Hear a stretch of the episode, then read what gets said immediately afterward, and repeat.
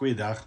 Parasha 27 en 28 Tazria swanger word en Medzura Malaatse nommer 5. Ons het gesien Naaman het klomp slawe van Jerusalem wat by hom werk.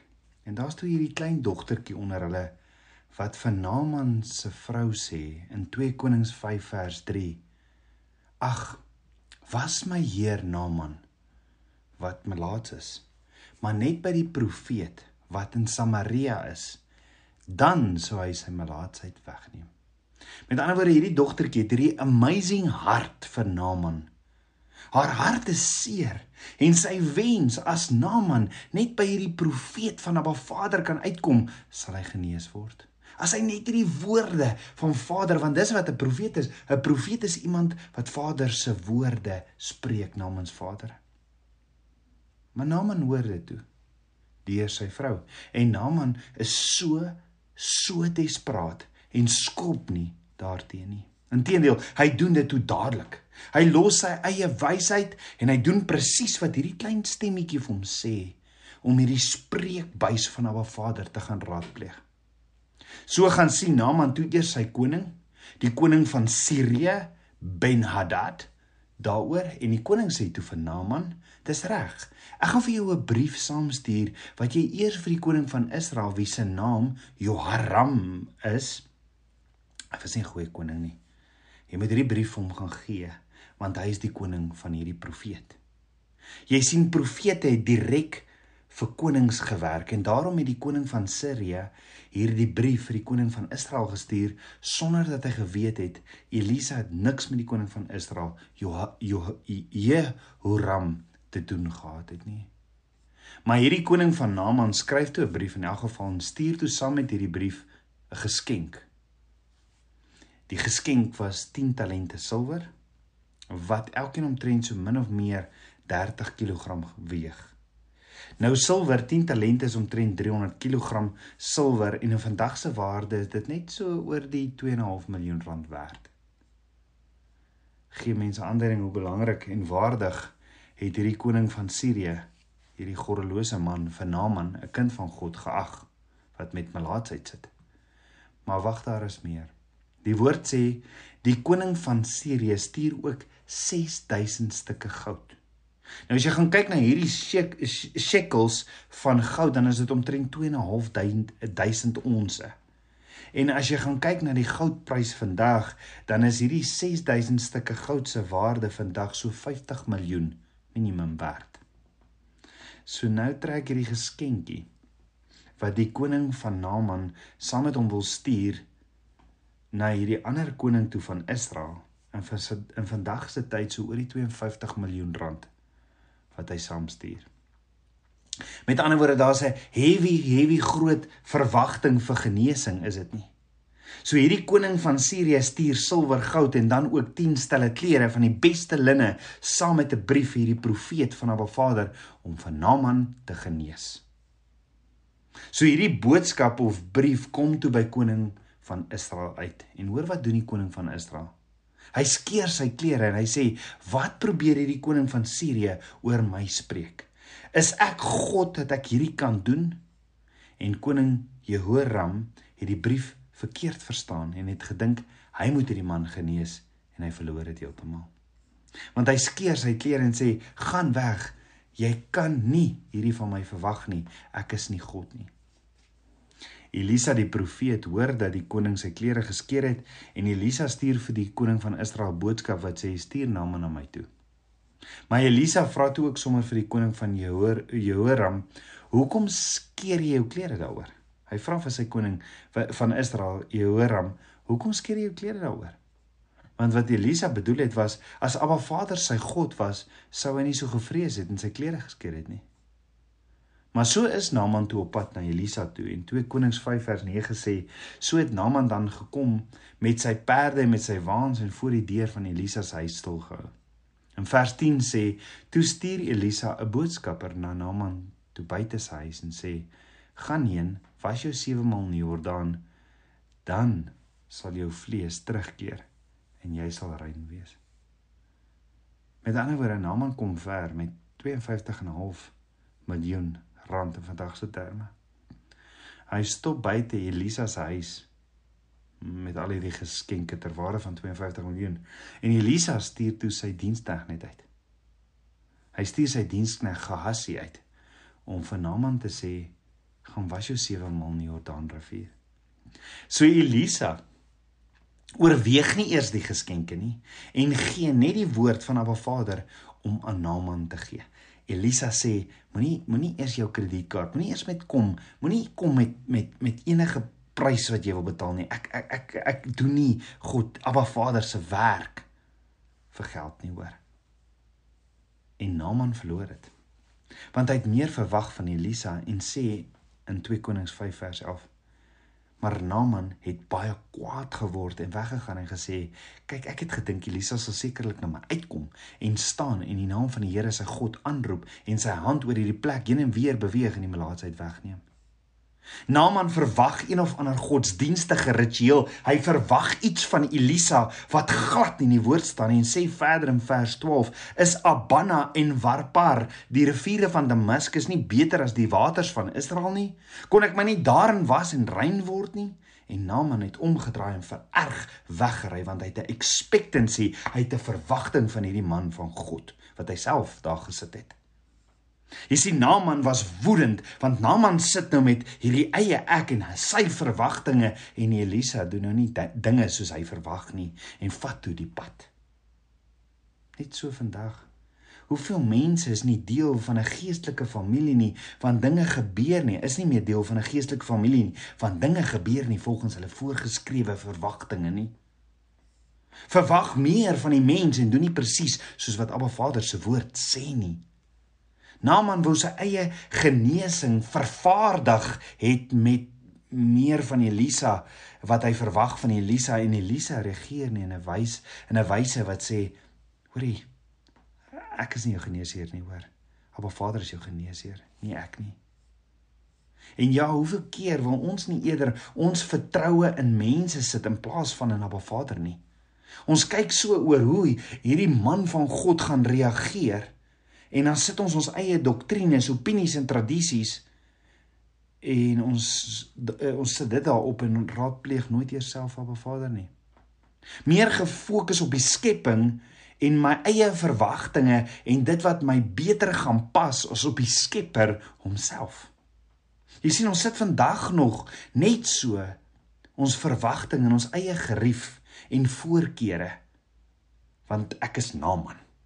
Weet jy wie's ek? Ek is Naaman en ek verwag jy moet my so en so en so reageer. So ons het hierdie voorkeure as 'n Abba Vader se woord en as as Abba Vader se woord ons konfronteer, eers dan vat ons die pad. Dan loop ons. So Naaman, hoekom hierdie vooraf verwagtinge van wat jy dink moet gebeur? Hoekom nie net doen wat Abba Vader sê jy moet doen nie? Die vraag is net soos Naaman Wie is ek en jy om op 'n Vader se instruksies te bevraagteken? Jy sien, Abba Vader is die geneesheer en wanneer dit kom by genesing, gaan dit alles oor hom en hoe hy dit wil doen. Sy manier. Geld gaan nie vir Elisa omkoop nie. Is dit nie wat Yeshua ook gevra het in die tuin van Getsemane? Net U wil, Vader. Naaman het dit verloor. En hoor wat sê hy? Nou moet ek my in die Jordaan gaan was ek. Ek moet my nou in die Jordaan gaan was en nie net een keer nie, maar nogal 7 keer. En dan sê Naaman: "Maar daar by ons, daar by Damaskus waar ek vandaan kom, daar is twee riviere, Abana en Par uh Farpar. Dis dis baie lekkerder en baie skoner water. Baie skoner." So hy het 'n beter plan. Hy gaan eerder dinge doen op sy manier en gaan lees jy die geskiedenis oor hierdie twee riviere daar in Damaskus, dan word daar gepraat van hierdie area as die oasis van die wêreld. So dit is wa waarlik soos Naaman sê, baie skoon en baie mooi daar. Dink daaroor Tabernakels kind van Abba.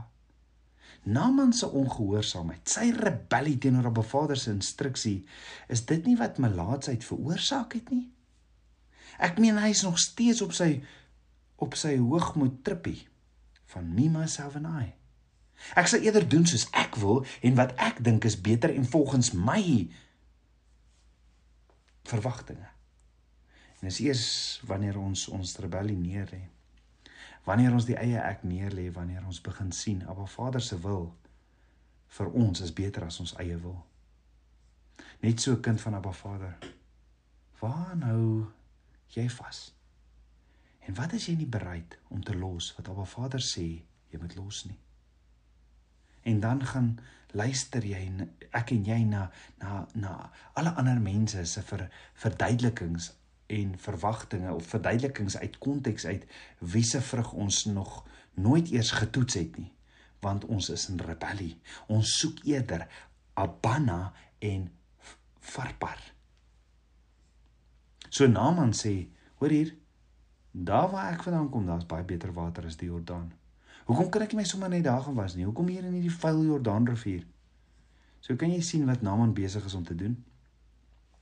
Naaman het 'n vooropgestelde idee van hoe sy genesing moet gebeur. En hier kom Abba Vader met hierdie boodskap deur 'n profeet wat net sy dienskneg is eh, deur 'n profeet wat sy dienskneg Gehasie stuur en sê gaan sê sommer net vir hom hy moet hom sewe maal in die Jordaan gaan was dan sal hy sy genesing kry. Jy sien Naaman ek dink het so bietjie van 'n chip op die skouer. Hy's so bietjie te verhewe om homself in die Jordaan rivier te gaan was, want die Jordaan is is nie so skoon soos die riviere wat hy gewoond is daar by hom nie. En hy sê, "So hoekom sal en hy sê hy gaan hy gaan hy hy, hy sal eerder in Damaskus gaan was." Die vraag is, hoekom sal Naaman so reageer? Hoekom sal Naaman sê, "Hoekom kan ek nie eerder in 'n ander rivier gaan was nie?" Want Naaman het wegbeweeg van Abba Vader af. Naaman loop nie meer of wandel nie meer in hierdie noue intieme verhouding saam met Abba Vader nie. Naaman is in 'n rebellie, hy's in so bietjie verhewe 'n uh, plekkie bo Abba Vader se instruksies. Naaman is nie meer die klei in Abba Vader se hande nie. Want dink daaroor. Wie is die klei om van die pottebakker te verskil? Naaman is nie meer op die plek waar hy kan sê op Abba Vader se woord sal ek ark bou nie. Ek gaan nie verskil of ander verse in die woord soek wat my sal beter pas uit konteks om te bewys ek kan meer eerder myself gaan was in Abana of Farpar nie. Ek gaan dit nie doen nie en geen maars nie. Geen vooropgestelde idees of eie opinies nie, nee net wat Abba Vader se woord sê. Ek soek Abba Vader se woord, ek soek nie mens nie. Ek gaan net doen wat hy sê. Naaman is nie meer op daai nederige plek nie. En die vraag is, is ek en jy daar? Sal ek en jy doen wat Abba Vader vandag vir my en jou sê? Of buig ons nog so bietjie Abba Vader se woord net vir my en jou gerieflikheidsondhawe? Soos Naman wil ons baie keer ook net halfpad doen wat Abba Vader sê. Naman sê ek sal my sewe maal gaan was daar daar in ons land, dit se riviere waar die water skoner is. Jy sien wanneer ons na hierdie kyk, dan sien ons dat dit dalk die rede is hoekom ons ons genesing, ons seëninge en verseker die roeping, die droom mis wat Abba Vader nog altyd vir ons het. Ons mis dit weens die simplekste klein goedjies wat ons kies om nie te doen nie. Dis asof ons hierdie houding kan hê van Naaman wie ek. Omdat jy weet, ek ek is die vors van hierdie weermag. Moet ek ek regtig hierdie ou wat nie eens uit sy huis uit wil kom nie. Ek met my nou gaan was na hom luister in die Jordaan en dan moet ek my nou nog al sewe was in daai vuil water. Nee man. Daar by ons is skoner water. Ek sal sommer daar dit gaan doen. En soos Naaman sluit ons kompromie met Abba Vader se woord. En die woord sê Naaman het woedend omgedraai en weggery. Die vraag is wat van my en jou? Hoeveel keer staan ons voor die eenvoudigste gehoorsaamheid aan Abba Vader en kies om Abba Vader nie te gehoorsaam nie? Abba Vader nooi jou. Tabernakelskind. Abba Vader nooi jou om te surrender in totale oorgawe en jy wil maar net nie dit en dit van my af wegvat nie hoor. Moet net nie, dis wat ons sê. Moet net nie dit en dit en dit van my wegvat nie. Want sien partykeer sê Abba Vader vir ons in sy woord nee. En ons is dan so besig om godsdienstig daaroor te debatteer of te redeneer dat ons net nie ons genesing, seëninge of by die droom uitkom wat Abba Vader nog altyd vir ons het nie. En Abba Vader nooi jou as 'n heilige priesterdom om in nederigheid en gehoorsaamheid voor hom te buig en te sê Abba, u woord sê so en daarom gaan ek dit net so doen want ek vertrou u ten volle en ek weet u sal met my wees. Hoekom nie voor Abba Vader vandag? Vandag nog hierdie klein stukkie suurdeeg, hierdie rebellie vir Abba Vader gee en sê: "Hier is ek, my Abba, net U wil, nie my wil nie." Kom ons bid saam. Abba Vader, koning van my hart. Abba, ek loof en ek prys U. Vader, kom deurgrond my en ken my hart, toets my en ken my gedagtes en kyk of daar by my 'n weg is van smart en lei my op die ewige weg. Vader, ek kom lê my alles voor U neer in surrender. Ek lê my reg om reg te wees neer. Abba, ek smag net na U waarheid. Was my met die waterbad van U woord. Meer en meer van U, Papa God. Ek bid dit alles in Yeshua, Hamasieg se naam, die seun van Jahweh. Amen. Shalom. thank you